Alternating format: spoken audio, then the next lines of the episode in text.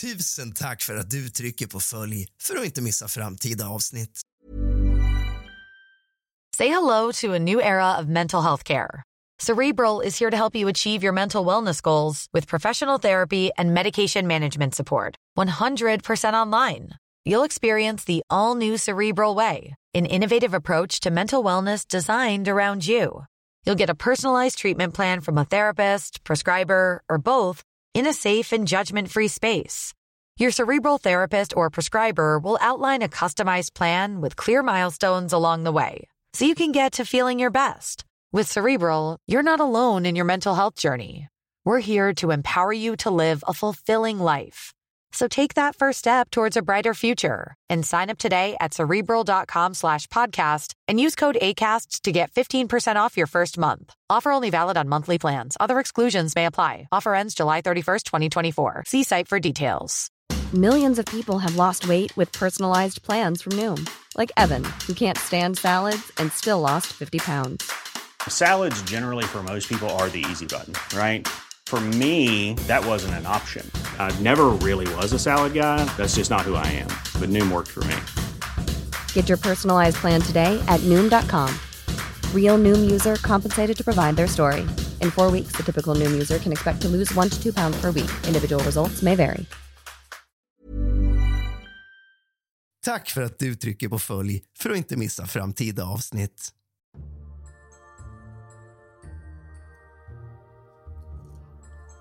God afton din lilla fegis och kallt välkommen tillbaka ska just du vara till kusligt, rysligt och mysigt. Det var inte länge sen som vi hade en följetong i tio delar som kallades Bebismordet i Trosa och jag lovade er att när domen kom så skulle ni få ännu ett avsnitt. Det är idag fredag den 3 mars, året är 2023 och idag så kom domen emot pappa Lukas. Och idag ska vi läsa upp den från början till slut. Eller ja, den mest väsentliga i alla fall.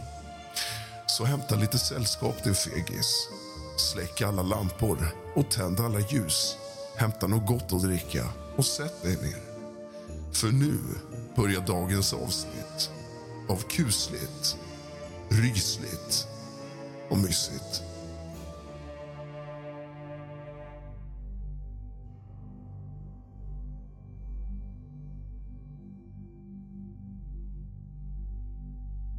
Parter och domslut. Lukas Ekblad Rickardsson, tilltalad. Domslut. Åtal som Lukas Ekblad Rickardsson frikänns ifrån. Synnerligen grov misshandel, vållande till annans död och grovt brott. Skadestånd. Elliot Pekkarinens begäran om skadestånd avslås.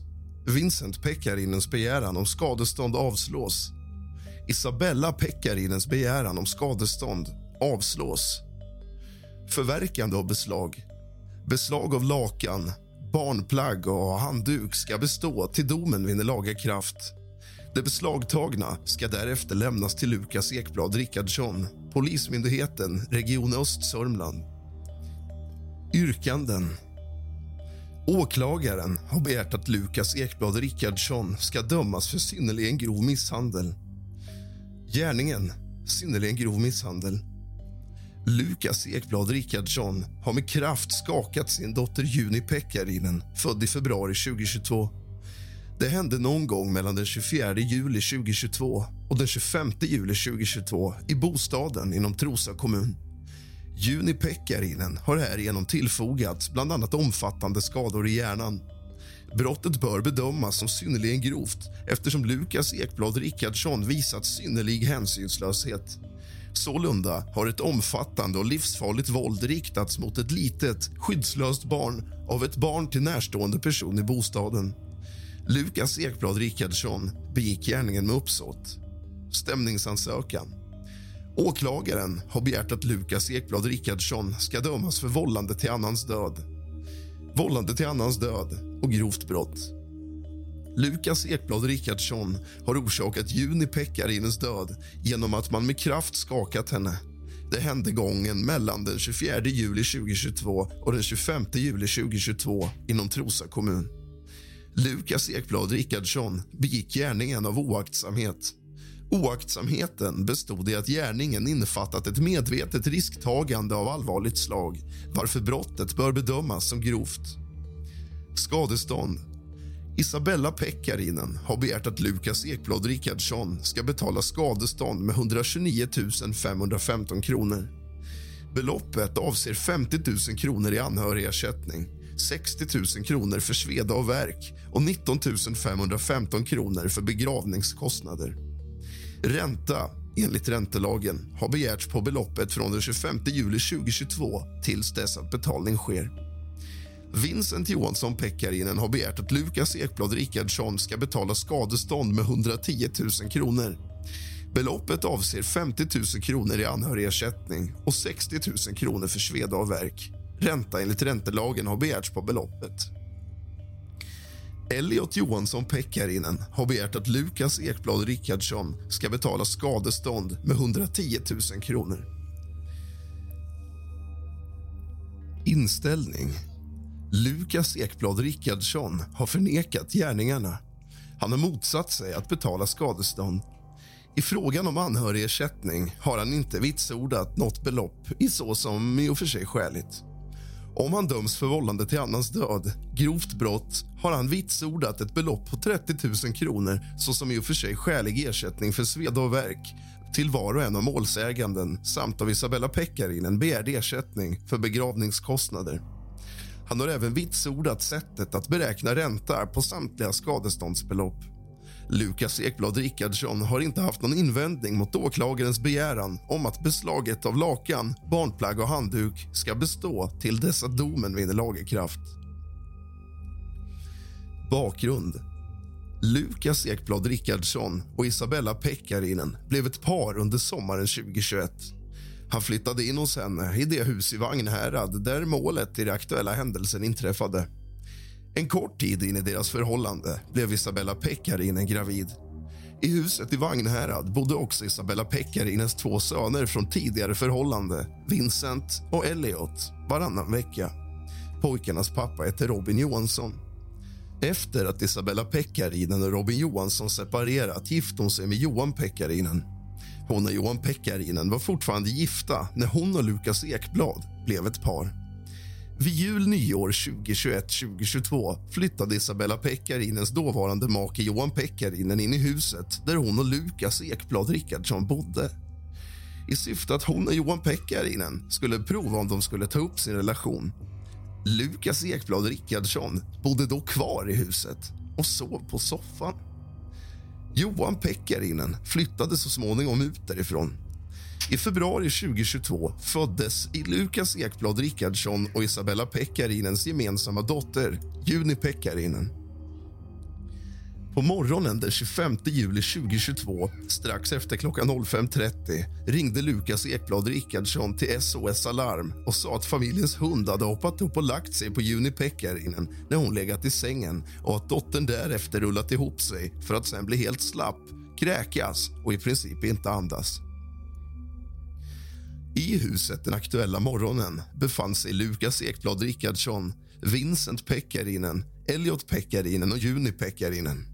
Isabella Pekkarinen hade sovit hos Viktor Olofsson natten mellan den 24 och 25 juli 2022. Hon var kvar där när Lukas Ekblad Rickardsson ringde samtalet till SOS Alarm.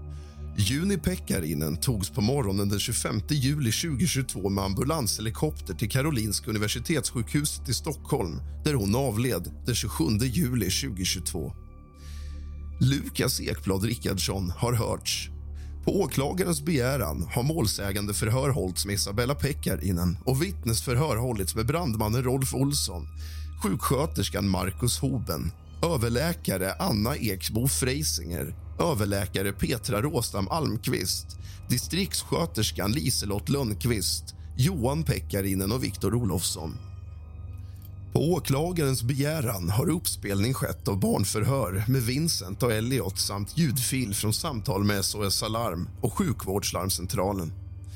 Åklagaren har åberopat det skriftliga bevisning som framgår av stämningsansökan samt därutöver fotografi på babygym komplettering av rättsmedicinsk obduktion, RMVS Kunskapsöversikt och uppgifter från hundstallet i Alingsås.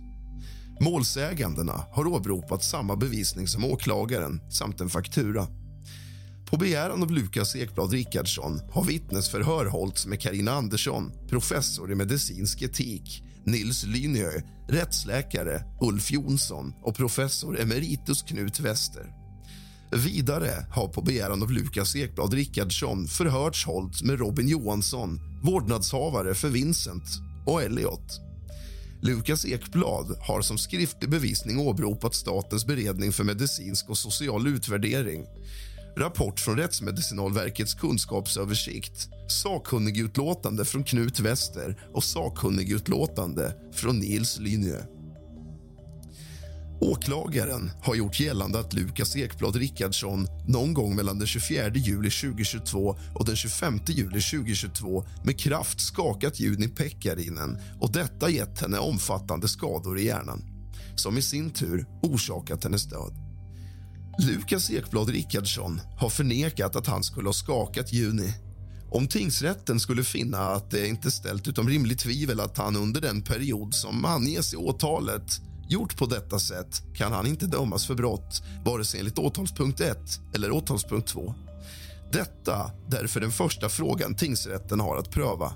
Dessförinnan kommer tingsrätten dock i relevanta delar redogöra för vad som framkommit av skriftlig bevisning och de förhör som hållits i målet. Av såväl Isabella Pekkarinens som Lukas Ekblad Rickardssons berättelse har framgått att deras förhållande var konfliktfyllt under våren och sommaren 2022. Att han fick ta i princip allt ansvar för hemarbete, ta hand om Juni Pekkarinen hennes två bröder och om familjens alla djur samt att Isabella Pekkarinen under sommaren 2022 hållit sig hemifrån i stor utsträckning. Lukas Ekblad Rickardsson har uppgett att Isabella Pekkarinen mådde psykiskt dåligt under denna period och att hon vid de tillfällen hon var hemma antingen satt med sin telefon eller var arg och skrek åt honom. Att Isabella Pekkarinen har agerat på detta sätt har bekräftats av hennes söner Vincent och Elliot i de barnförhör som spelats upp vid huvudförhandlingen. Enligt Lukas Ekblad Rickardsson hade han vid flera tillfällen under våren och sommaren 2022 sagt till Isabella att han tänkt flytta ut från deras gemensamma bostad. Han har uppgett att hon då blivit arg och sagt till honom att han i så fall inte kunde bli skriven som pappa till Juni Pekkarinen och inte heller träffa henne. Under huvudförhandlingen har Lukas Ekblad Rickardsson uppgett följande angående vad som hänt morgonen den 25 juli 2022. Han vaknar runt 05 den dagen av att Vincent Pekkarinen var på väg ner för trappen från övervåningen och snubblade i denna. Även Juni Pekkarinen vaknade då. Han tog med sig henne ut i köket för att ge henne mat. Hon brukade vakna och vilja äta ungefär så dags. Denna dag var hon dock ledsen och ville inte äta särskilt mycket han lekte med henne så att hon blev glad igen och bäddade sen ner henne i sin säng. Han la henne på rygg i sängen, svepte in henne i en filt och la täcket omkring henne så att hon inte skulle hålla under rulla runt i sängen. Hunden Levia låg på golvet i samma rum. Han gick ut från sovrummet och upp för trappen till rummet där Vincent Pekkarinen var för att säga till honom att lägga undan telefonen och sova en stund till. Innan han lämnade sovrummet där Juni Pekkarinen låg stängde han dörren till detta för att hunden inte skulle ta sig in i andra rum i bostaden och ställa till oreda där. När han var inne i Vincent Pekkarinens rum hörde han ljud från sovrummet där Juni Pekkarinen låg. Han sprang dit och såg att hunden hade tagits upp i sängen och låg ovanpå Juni Pekkarinen som hade hamnat på mage med ansiktet ner mot madrassen. Han kastade undan hunden och tog upp Juni Pekkarinen. Hunden gömde sig då under sängen. Först spände sig Juni Pekkarinen, sen blev hon helt slapp. Medan han var häktad har han haft så mycket mardrömmar om händelsen att han har svårt att avgöra om de detaljer han minns från denna verkligen har inträffat eller om det rör sig om sånt han drömt. Om han sagt i polisförhör att Levia när han kom in i rummet stod på bakbenen i lekläge ovanpå Juni Pekkarinen och att hunden sen slängde sig fram på armbågarna som för att leka, stämmer detta. Han minns inte dessa detaljer idag men han kom ihåg händelsen betydligt bättre i anslutning till att den inträffade och han inte hade haft mardrömmar om det varje natt. I annan vuxen person än Lukas Ekblad Rickardsson befann sig alltså i husets morgon den 25 juli 2022. Vare sig Vincent Pekkarinen eller Elliot Pekkarinen, idag 9 respektive 8 år gamla var inne i hans sovrum under natten mellan den 24 och 25 juli och inte heller på morgonen den 25 juli 2022. Vincent Pekkarinen har bekräftat Lukas Ekblad Rickardssons uppgifter om att han vaknade tidigt på morgonen den 25 juli 2022 samt att Lukas Ekblad Rickardsson kom upp till det rum där han sovit och sa till honom att sluta spela och somna om.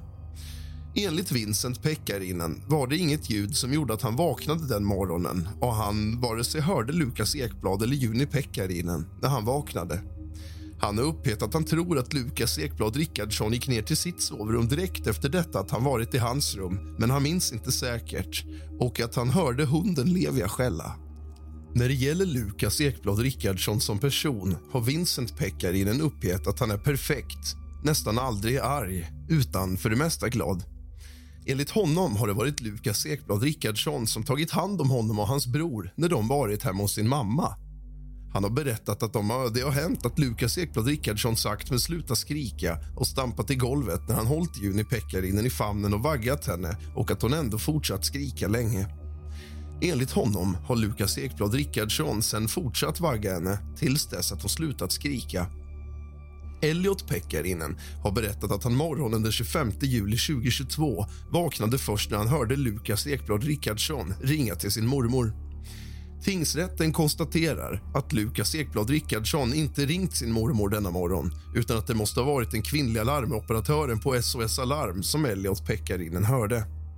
Att så var fallet bekräftas av Elliot Pekkarinens uppgifter om att mormor sagt att Lukas skulle trycka på bröstet vilket har framkommit av larmsamtalet att larmoperatören instruerat honom att göra.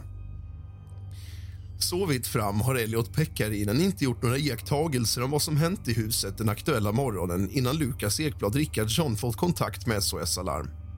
Han har uppgett att han stannat kvar i vardagsrummet där han har sovit under natten tills dess att utryckningspersonal hade lämnat huset. Vincent Pekkarinen och Elliot Pekkarinens pappa Robin Johansson har berättat att barnen lämnades över till honom av Isabella Pekkarinens före detta make Johan Pekkarinen under eftermiddagen 25 juli 2022. Han har uppgett följande i fråga om vad Vincent Pekkarinen berättar för honom om händelserna på morgonen den dagen. Vincent Pekkarinen hade vaknat och skulle dricka vatten. Lukas Ekblad Rickardsson mötte honom i trappan och sa till honom att somna om. Lukas Ekblad Rickardsson pratade därefter med honom medan han låg i sängen. Sen hörde Lukas Ekblad Rickardsson ett ljud och sprang ner till sovrummet där Juni var.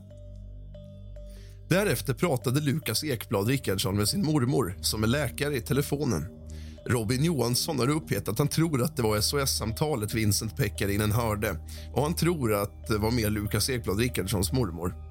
Enligt honom kan Vincent Pekkarinen inte skilja på vad han själv har iakttagit och vad andra har berättat för honom. Han har uppgett att Vincent Pekkarinen har autismspektrum och är väldigt fyrkantig på så sätt inte hittar på saker utan bara berättar om sånt han verkligen upplevt.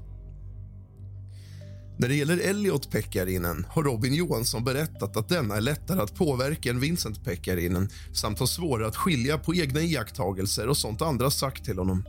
Han har uppgett att pojkarna sagt till honom att det är väldigt lyhört i deras mammas hus och att de skulle ha vaknat om Juni Pekkarinen skrikit under natten.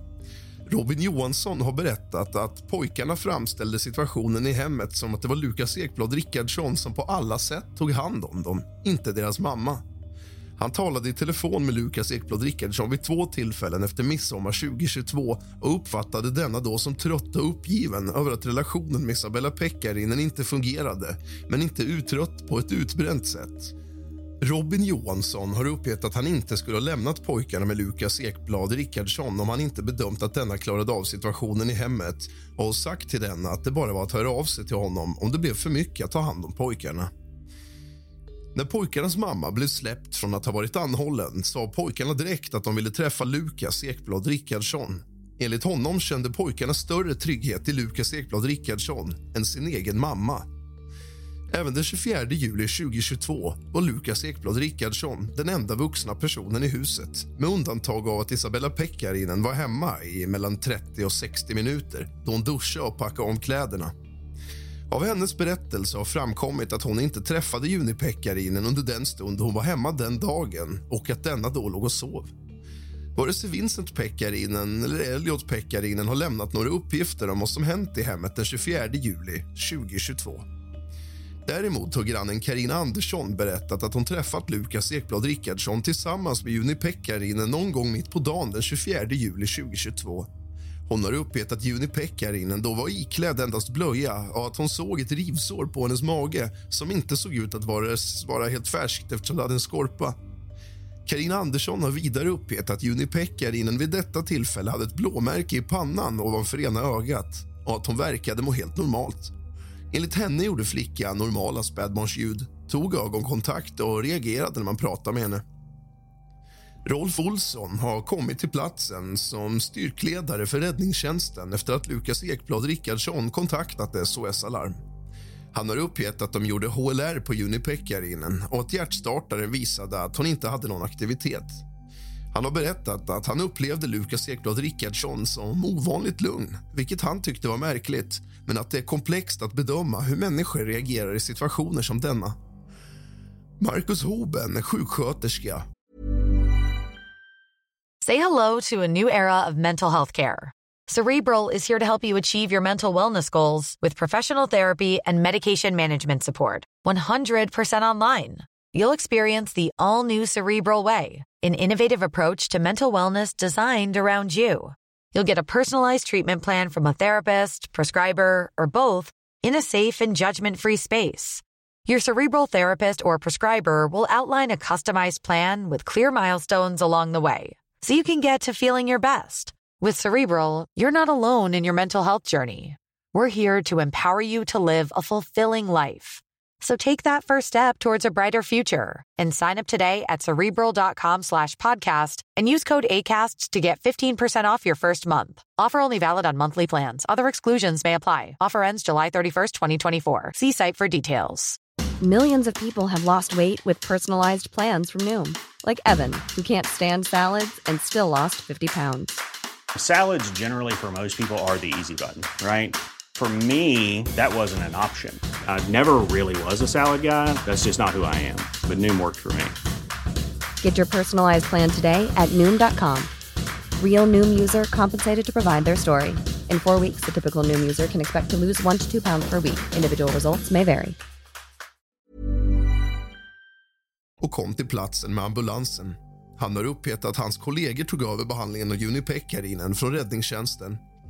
Enligt honom var hon då livlös samt saknade egen puls och andning. Han har berättat att de fick igång puls och andning med intubering och andningsstöd. Han har uppgett att han inte talade med Lukas Ekblad Rickardsson men att han uppfattade denna som chockad. Enligt honom fick han en konstig magkänsla av situationen. Bland annat eftersom han fått höra att Lukas Ekblad Rickardsson sagt att en hund hoppat på Juni Pekkarinen men att han inte såg någon hund i bostaden. Han har uppgett att anledningen till att han gjorde en orosanmälan till socialtjänsten var att han tyckte att det var konstigt att en hund hade fått möjlighet att hoppa upp i sängen där barnet låg och att hon fått hjärtstopp.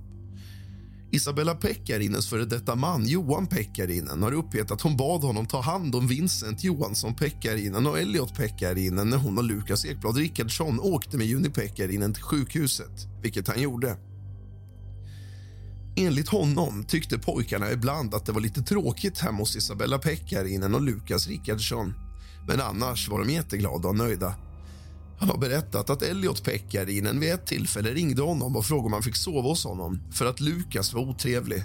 Elliot Pekkarinen fick sova hos honom, men han fick inget svar på varför denna tyckte Lukas var otrevlig.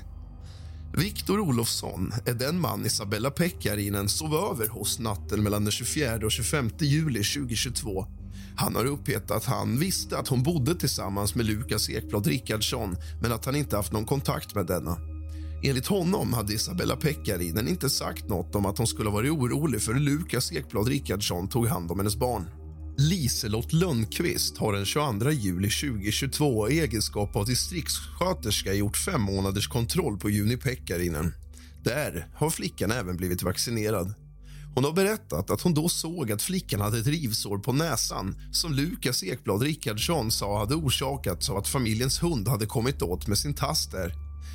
Hon har uppgett att hon undersökte Juni Pekkarinens nakna kropp vid detta tillfälle och att hon då inte såg några andra skador eller blåmärke än rivsåret på flickan.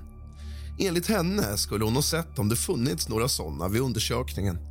Liselott Lundqvist har berättat att det var Lukas Ekblad Rickardsson som tog med Juni-Pekkarinen till samtliga kontroller hos henne och att hon inte såg något anmärkningsvärt i kontakten mellan honom och dottern eller i hans sätt att ta hand om henne. När hon erbjöd stöd till honom på grund av hemsituationen har han berättat vad han verkade ta till sig att den möjligheten fanns. Anna Eksbo Freisinger är överläkare och specialist i barnneurologi. Hon var en av de läkarna som gjorde bedömningen att Juni Pekkarinen medan denna fortfarande levde på sjukhuset har uppgett i huvudsak följande i avseendet. På jourrapporten klockan 08 den 25 juli 2022 berättas det att det kommit in ett barn med oklart hjärtstopp i hemmet. Barnet skulle flyttas till barnintensiven. Hon gick dit för att vara med på ronden samt titta mera på barnet och fallet. Juni Pekkarinen låg då i respirator. Hon hade inte haft några spontana rörelser och inte reagerat på smärtstimuli. Hon hade fått veta att det tagit minst 50 minuter innan man fått kallat, så, så kallad return of spontaneous circulation på junipekarinen, det vill säga att hon andas själv. Efter att ha gjort en datormografi på junipekarinens hjärna kunde de på sjukhuset konstatera att hon hade färska, stora och djupgående blödningar under den hårda hjärnhinnan. På denna undersökningen syns också en antydan till djupare syrebrist i hjärnan. Dagen efter gjordes en undersökning av hjärnan med magnetkamera. Där såg man en generell och utbredd djup syrebrist i hjärnan. Juni Pekkarinen hade blåmärken på pannan, kinden, under hakan samt på buken. Förekomsten av blåmärken på ett så pass litet barn ökar misstanke om tillfogad skada. Ett spädbarn som inte är uppe och kryper ska inte ha blåmärken i den omfattningen. Det skrev en remiss till ögonläkare som konstaterade att det fanns utbredda blödningar i ögonen i alla fyra kvadranter och i alla lager. Ögonläkaren beskrev att det var en bild förenlig med skakvåld. Anna Ekesbo Freisinger har beskrivit att det gjorts en mängd olika undersökningar på junipekarinen för att utesluta att något underliggande sjukdomstillstånd kunnat orsaka de skador som kunnat konstateras i hennes huvud och ögon däribland datormografin på buken, röntgen av skelett EEG som registrerar hjärnans aktivitet, genetiska prover och undersökningar av blodets förmåga att koagulera. Enligt henne hittades inte något som talade för underliggande kroppslig sjukdom som kunde förklara skadebilden. När det gäller frågan om en hund kunnat orsaka skadorna i Juni Pekkarinens huvud och ögon har hon uppgett att om hunden legat på flickan en kort stund borde det ha varit lätt att få igång henne och att det är svårt att få ihop Lukas Ekblad Rickardssons beskrivning av att barnet andades när han höll i henne men att hunden skulle ha kvävt henne. Enligt henne är det också svårt att få ihop ögonblödningar med tryck ovanpå barnet i form av en hund som legat på denna. Anna Eksbo Freisinger har uppgett att det på sjukhuset haft multiprofessionell konferens gällande Juni Pekkarinens fall där ögonläkare, neurologer, intensivvårdsläkare, akutläkare, barnneuroradiolog och barnskyddsteam har deltagit. Den multiprofessionella konferensen har diskuterat fallet från alla synvinklar efter att Juni Pekkarinen har avlidit. Hon har uppgett att den slutsats som drogs av den multiprofessionella konferensen var att Juni Pekkarinens skador var tillfogade sådana. Hon har suttit i många samtal med föräldrar vars barn varit allvarligt skadade där hon som i detta fall gett besked att barnet kan förväntas få svåra neurologiska symptom om det skulle överleva. Hon har uppgett att hon upplevde Isabella Pekkarinen och Lukas Ekblad Rickardssons reaktioner vid samtalet som avvikande. Ingen av dem grät och de ställde inte några frågor. Det var något slags neutralt stämningsläge i rummet.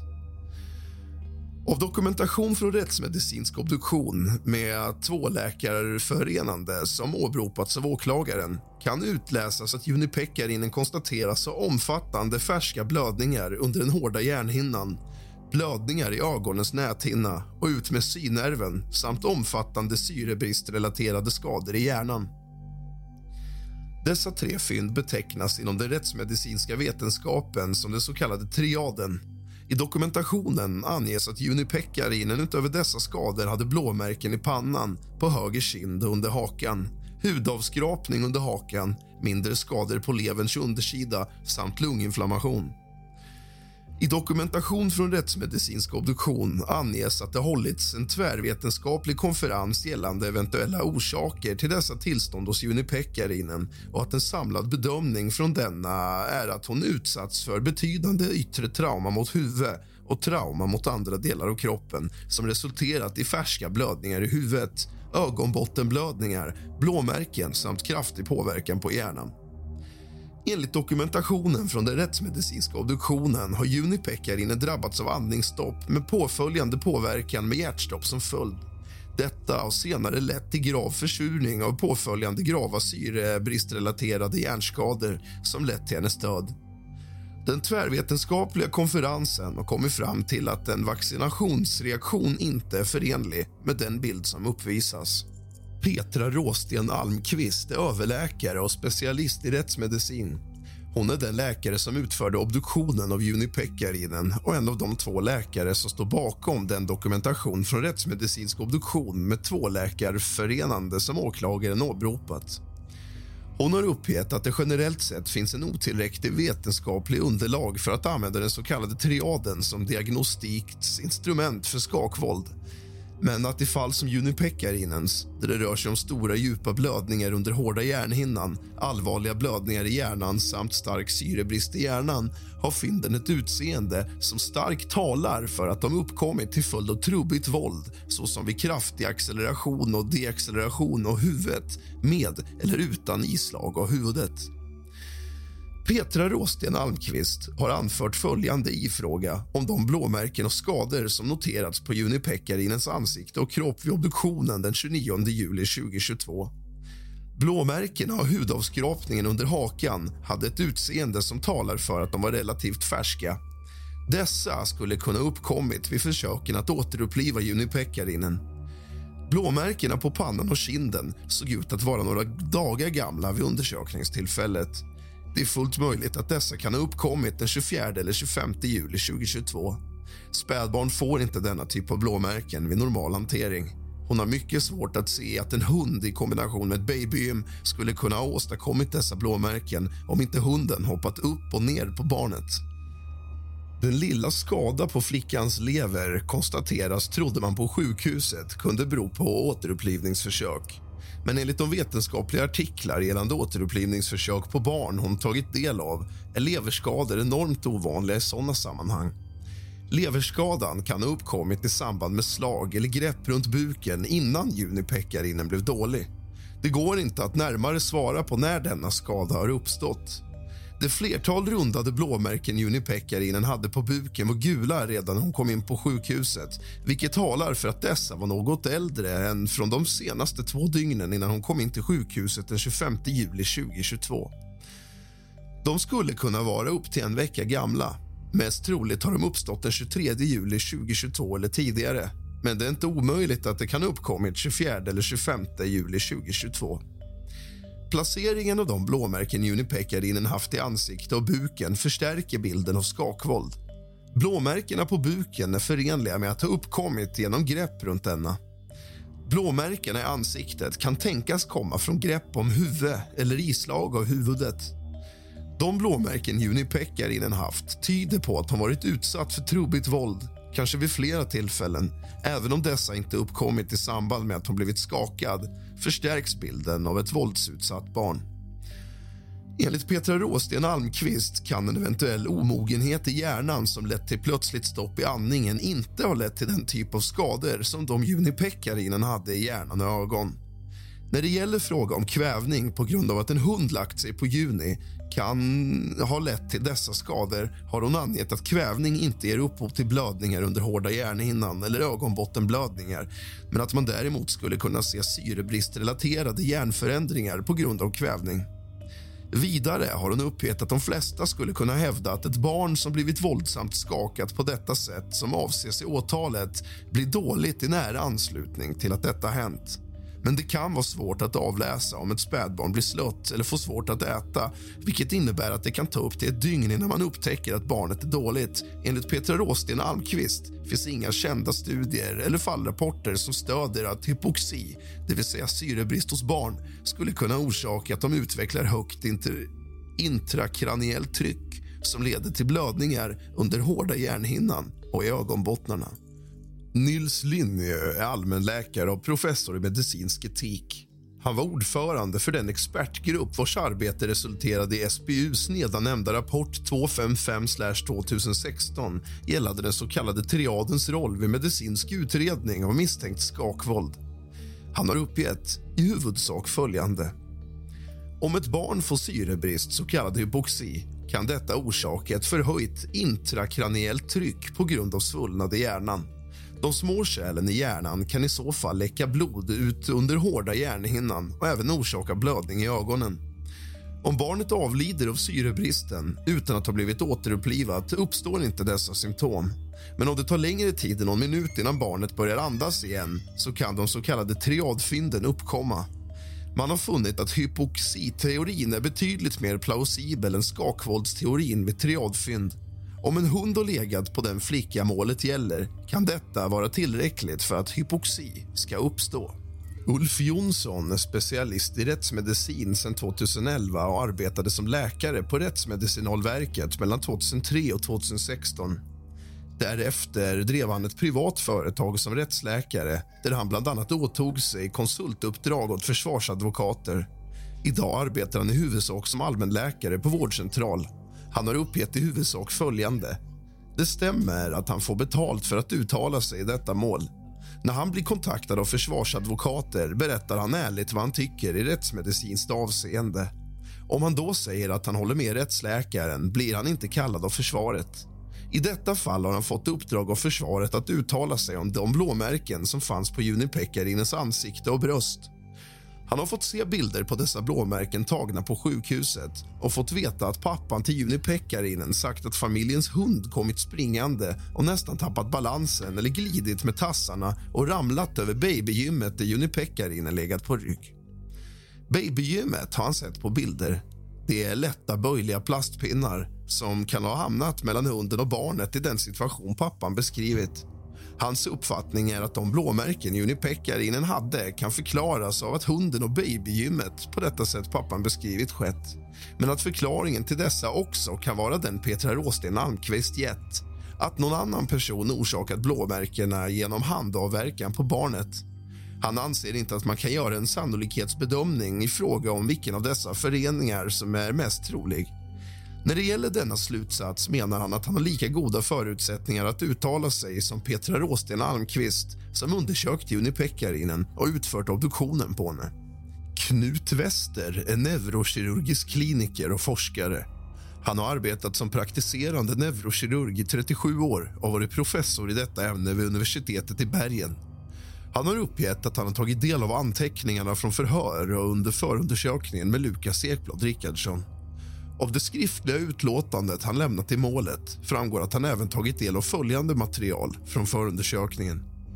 Journalanteckningar KS, journalanteckning ambulans Nyköping, journalanteckning Karolinska universitetssjukhuset och journalanteckningarna fortsätter, en lång radda. Knut Wester har uppgett i huvudsak följande. Han har tagit del av statens bedömning för medicinsk och social utvärderingsrapport skakvåld, triadens roll vid medicinsk utredning av misstänkt skakvåld och instämmer i den slutsats man kommit fram till i denna. Det vill säga att vetenskapliga underlaget är otillräckligt för att bedöma den diagnostiska träffsäkerheten av den så kallade triaden för att identifiera skakvåld hos barn. Redan innan han läste rapporten hade han kommit fram till att triaden inte var något säkert sätt att fastställa skakvåld han har även läst kunskapsöversikt i ämnet från Rättsmedicinalverket daterad 7 november 2022 och de studier som hänvisas till i denna. Vad gäller Petra Råstens uppgifter om att man i SBU-rapporten har blandat ihop mindre allvarliga skador med mer allvarliga sådana och att så allvarliga skador som Juni Pekkarinen haft i de tre avseenden som innefattas i beteckningens triaden starkt talar för att skadorna uppkommit genom skakvåld finns det inte något vetenskapligt underlag för denna uppfattning. Hypoxi, det vill säga syrebrist, är klart associerat med blödningar under den hårda hjärnhinnan hos spädbarn utan relation till något trauma. Enligt tingsrättens mening råder det inte någon tvekan om att Lukas Ekblad Rickardsson under den period då händelsen inträffade och en längre tid dessförinnan har befunnit sig i en situation som måste ha varit mycket psykiskt påfrestande för honom. Han har fått ta i princip allt ansvar för hemarbete, ta hand om Juni Pekkarinen, hennes två bröder och familjens alla djur. Hans sambo Isabella Pekkarinen, som är mamma till alla tre barn har under sommaren 2022 hållit sig hemmafrån i stor utsträckning. Medan hon varit sambo med Lukas Ekblad Rickardsson har hon öppet haft ett förhållande med sin numera före detta make och mer eller mindre öppet även med Viktor Olofsson. Enligt de uppgifter Lukas Ekblad Rickardsson själv lämnat under huvudförhandlingen har han inte upplevt situationen i hemmet som särskilt svår vilket tingsrätten har svårt att tro på. Det förhållande att han tagit upp sina hemförhållanden med distriktssköterska Liselott Lundqvist anser tingsrätten också talar för att han inte mått bra av dem. Ingen av de personer som hörts i detta mål har sagt något som tyder på att Lukas Ekblad Rickardsson skulle ha ett aggressivt beteende eller tendenser till bristande impulskontroll. Tvärtom har han beskrivits som kapabel, lugn och ansvarstagande. Vincent Pekkarinen har uppgett att det har hänt att Lukas sagt men sluta skrika och stampa i golvet när han håller Juni i famnen och vaggat henne och att hon trots detta fortsatt skrika. Enligt tingsrättens mening kan ett sånt beteende hos en uttröttad förälder vars barn inte går att trösta inte betecknas som avvikande utan snarare en normal reaktion. Vincent Pekkarinen har dessutom berättat att Lukas Ekblad Rickardsson inte har gjort något annat än att just stampa i golvet och att denna sen har fortsatt vagga Juni Pekkarinen tills dess att hon slutat skrika. Tingsrätten konstaterar att Lukas Ekblad Rickardssons situation i hemmet och hur han kan ha mått på grund av detta inte är en central betydelse vid bedömningen av om det antydas styrkt att han skakat Juni Pekkarinen. Det väsentliga är vad som kan anses utrett i fråga om vad som faktiskt hänt henne under de två dagar som omfattas av åtalet och på vilket sätt hon orsakats de skador i huvudet hon haft när hon kommit in till Karolinska sjukhuset i Stockholm som sen lett till att hon avlidit. Lukas Ekblad Rickardssons granne Karina Andersson har berättat att hon träffade honom tillsammans med Juni Pekkarinen någon gång mitt på dagen den 24 juli 2022 Head over to Hulu this March, where our new shows and movies will keep you streaming all month long. Catch the award winning movie Poor Things, starring Emma Stone, Mark Ruffalo, and Willem Dafoe. Check out the new documentary, Freaknik The Wildest Party Never Told, about the iconic Atlanta Street Party. And don't miss FX's Shogun, a reimagining of the epic tale, starring Anna Sawai. So, what are you waiting for? Go stream something new on Hulu. Enligt henne var Juni Pekkarinen då vaken och betedde sig helt normalt för ett spädbarn. Med ledning av Karina Anderssons uppgifter konstaterar tingsrätten att Juni Pekkarinen mitt på dagen den 24 juli 2022 av allt att döma ännu inte hade fått de skador i huvudet hon hade när hon kommit in på sjukhuset på morgonen den 25 juli 2022. Isabella Pekkarinen har befunnit sig i hemmet endast 30 och 60 minuter den 24 juli 2022 hon träffade inte Juni Pekkarinen då vilket innebär att hon inte kunde ha gjort några egentliga iakttagelser av dennas hälsotillstånd under lördagen. Från någon gång mitt på dagen den 24 juli 2022 tills dess att räddningstjänsten kommer till platsen tidigt på morgonen den 25 juli 2022 har alltså inga andra personer än Lukas Ekblad Rickardsson, Vincent Pekkarinen och Elliot Pekkarinen träffat Juni Pekkarinen. Och Vincent och Elliot Pekkarinens uppgifter har inte framkommit något som talar för att Lukas Ekblad Rickardsson skulle ha skadat Juni Pekkarinen eller avsiktligt skadat henne på annat sätt. Vare sig under perioden som omfattas av åtalet eller vid något tidigare tillfälle. I denna situation blir det i princip helt avgörande vilka slutsatser som kan dras med anledning av Juni Pekkarinens skadebild. Som angetts från ovan framgår av dokumentationen från den rättsmedicinska obduktionen att Juni Pekkarinen konstateras ha omfattande färska blödningar under den hårda hjärnhinnan blödningar i ögonens näthinna och ut med synnerven samt omfattande syrebristrelaterade skador i hjärnan. Dessa tre fynd betecknas inom den rättsmedicinska vetenskapen som den så kallade triaden Utöver dessa skador hade hon blåmärke i panna, höger kind, under haka, hudavskrapning under haka, mindre skador på leverns undersida samt lunginflammation. Skadestånd. Eftersom Lukas Ekblad Rickardsson har frikänts ska Isabella Pekkarinens, Vincent Pekkarinens och Elliot Pekkarinens yrkanden om skadestånd avslås. Frihetsberövande. Lukas Ekblad Rickardsson har, med anledning av de brott som prövats i målet varit frihetsberövad från den 25 juli 2022 till den 16 februari 2023. Åklagarens begäran om att beslag av lakan, barnplagg och handduk ska bestå till dess att domen vinner lagerkraft är lagen grundad och ska bifalla. Sekretesstämpeln i 35 kapitlet, paragraf 13 offentlighets och sekretesslagen ska fortsätta vara tillämplig på uppgifterna i särskild personutredning. Och det var domen mot tilltalad Robert Lukas Ekblad Rickardsson meddelad i Nyköpings tingsrätt den 3 mars 2023. Du har lyssnat på kusligt, rysligt och mysigt. Tack för att du trycker på följ och lämnar ett omdöme.